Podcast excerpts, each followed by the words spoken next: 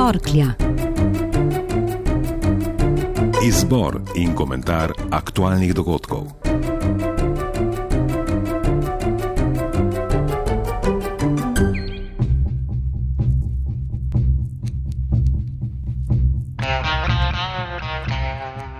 Oglje ali sladkarije in druge dobrote. Katero od Miklauževih daril so si ta teden zaslužili svetovni odločevalci? No, za ameriškega predsednika Donalda Trumpa bi večji del sveta, z izjemo Izraela, seveda nedvomno glasoval za oglje. Z enostranskim priznanjem Jeruzalema za izključno prestolnico Izraela je Trump spet razpihal tlečo žerjavico izraelsko-palestinskega konflikta na že tako nestabilnem bližnjem vzhodu.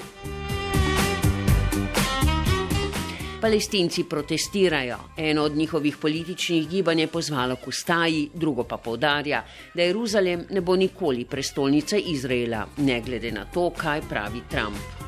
Izrael je na zasedena območja že poslal svojo vojsko in ta je proti palestinskim demonstrantom že uporabila gumijaste naboje in po poročanju rdečega pol meseca tudi prave.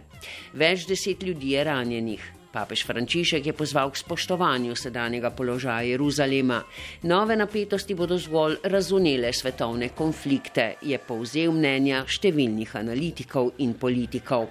Da gre za napačno odločitev, je jasno povedala tudi podpredsednica Evropske komisije Federica Mogherini. President uh, Trump's announcement uh, uh, on uh, Jerusalem.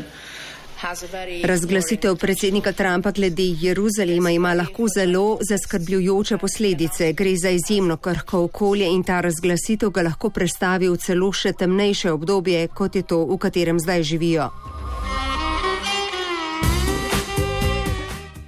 Judovski aktivist za pravice palestincev in antropolog Jeff Halper je na svojem Facebook profilu zapisal, da je Trumpova imperialna odločitev med drugim dokončno pokopala tudi oblikovanje dveh držav. A kot je povdaril v nedavnem intervjuju za naš radijski program, je bila ta odločitev sicer že več let le mrtva črka na papirju.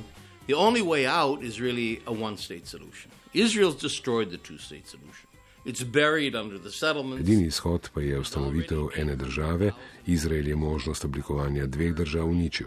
Pokopala jo je gradnja naselbin, zato moramo začeti razmišljati o tem, kakšna bi bila ena država. Modelov je več.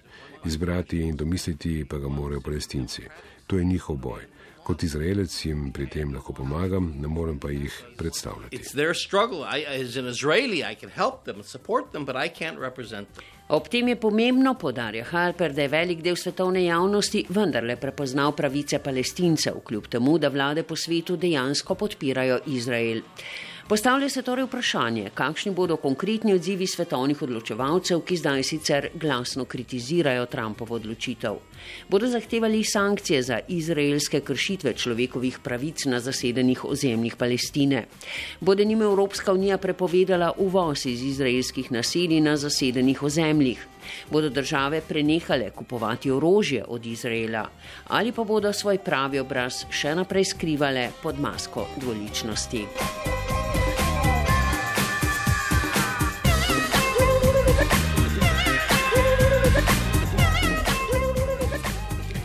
A pojdimo zdaj domov. Tu med drugim že dlje časa spremljamo razkazovanje mišic ob napovedani menjavi uprave Luke Koper.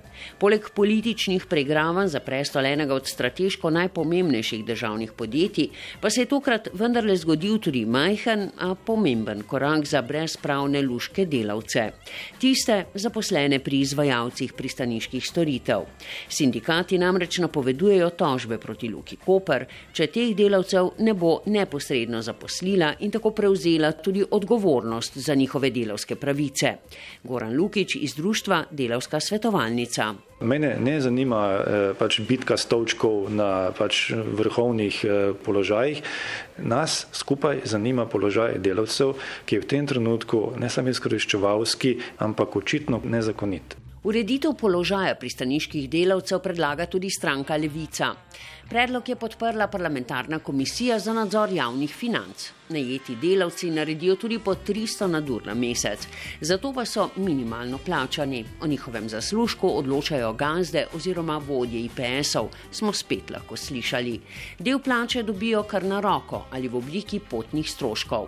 Temu institucionaliziranemu socialnemu dumpingu je treba narediti konec. Da zato ni ovir, se tokrat strinjajo tudi na finančnem ministrstvu. Luka Koper lahko zaposli najete delavce, pravi Miranda Goff Ferjančič. Ni res, da bi se nojno in bistveno povečali stroški dela, če bi se prezaposlili ljudje. Danes plačuje Luka Koper za storitev več kot 20 milijonov.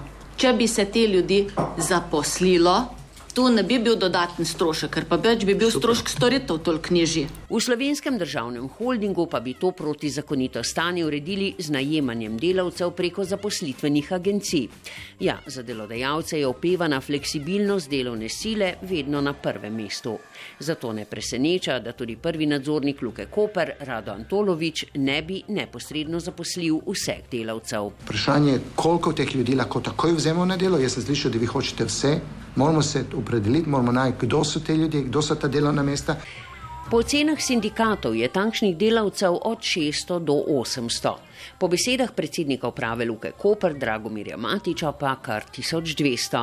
V upravi svetu delavcev in sindikatov žerjavistov so sicer prepričani, da državni akteri problematizirajo izvajalce pristaniških storitev le zato, da bi se znebili uprave pod vodstvom Matiča. Na to pa naj bi to vprašanje pometli pod preprogo. No, vendar pa so tu na drugi strani tudi sindikati, ki so v Kopru predstavili zahteve delavcev izvajalcev pristaniških storitev. Odločeni so ustrajati z ulaganjem tožb oziroma pozivov Luki Koper za njihovo neposredno zaposlitev. Pravni strokovnjak Nejc Končan Vrstovšek. To je nek začetek, žalostno je samo to, da ta začetek bi lahko bil 20 let nazaj. Pravice delavcev so absolutne in vsem tistim, ki jih že sistematično kršijo, imajo te vzvode, da to doseže in ni treba politike nič umešavati ali pa še slabše je imati za izgovor.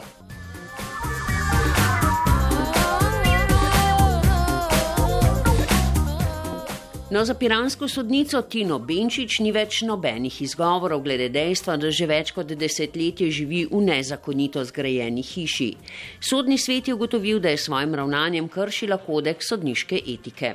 O ukrepih zoper njo bo zdaj odločalo disciplinsko sodišče, ki lahko izreče vse od pisnega opomina do prenehanja sodniške funkcije.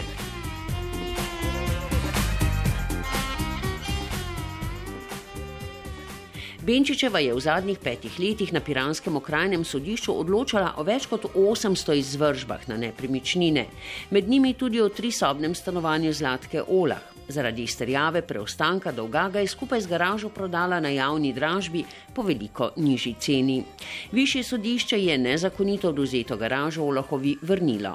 Sama pa v protest proti neukrepanju pristojnih služb v primeru sodničine črne gradnje napoveduje, da si bo v bližini Benčičeve hiše v Vinjolah na parceli v lasti sklada kmetijskih zemljišč zdaj tudi sama postavila svoj dom.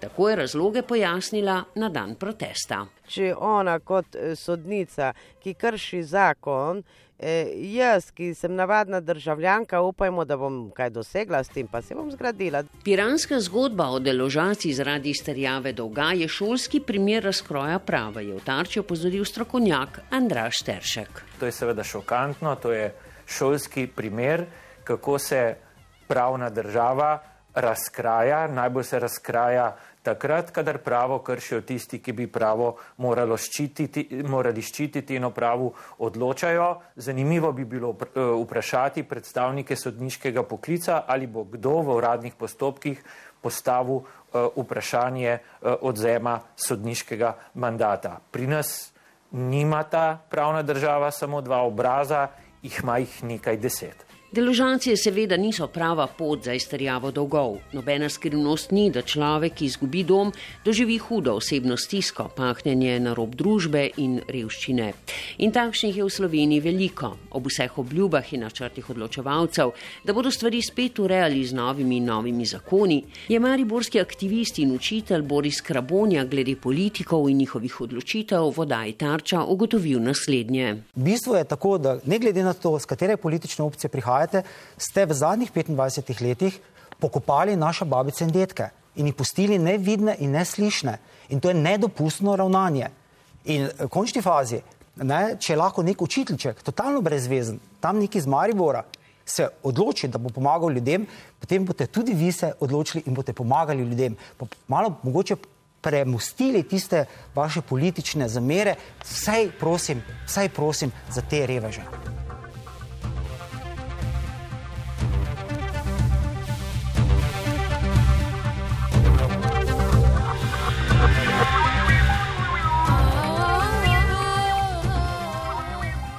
Ostanimo še pri enem sodnem primeru, ki je na začetku tedna na Koperskem sodišču doživel nepričakovan preobrat. Na zadnjem naroku glavne obravnave namreč tožilstvo umaknilo obtožni predlog z operektorja Primorske univerze Dragana Marušiča in odvetnika Velimirja Cugmasa. Marušiču je namreč očitalo, da je zlorabil položaj, ko je brez javnega razpisa podpisal pogodbo o izvajanju pravne pomoči. Odvetniku Cugmasu pa je rektorja napeljal k temu dejanju in tako pridobil 94 tisoč evrov premoženske koristi. Vendar pa je dokazni postopek ovrgal utemeljen sum, da je bilo očitano kaznivo dejanje storjeno. Pričanja namreč niso pokazala na naklep, je svojo odločitev pojasnila toživka Polona Weberič. Tako Marušič kot Cugma sta sicer vse čas trdila, da očitano kaznivo dejanje ne obstaja.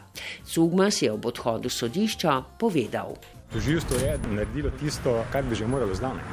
Umaknilo je obtožni predlog. Moralo bi pa zavreči že ovadbo. Vse v bistvu ni bilo nobenega, niti suma, da je karkoli storjeno na robe. Sodišču tako ni preostalo drugega, kot da obtožbo zavrne.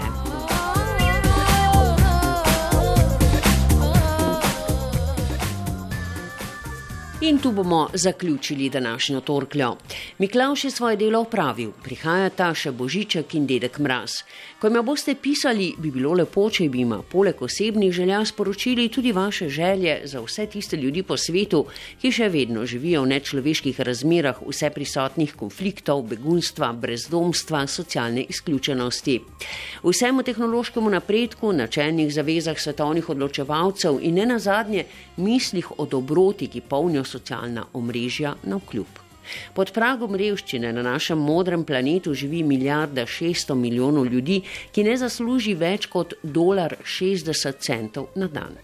No, na robu revščine pa v naši državi živi zaskrbljujočih 400 tisoč ljudi.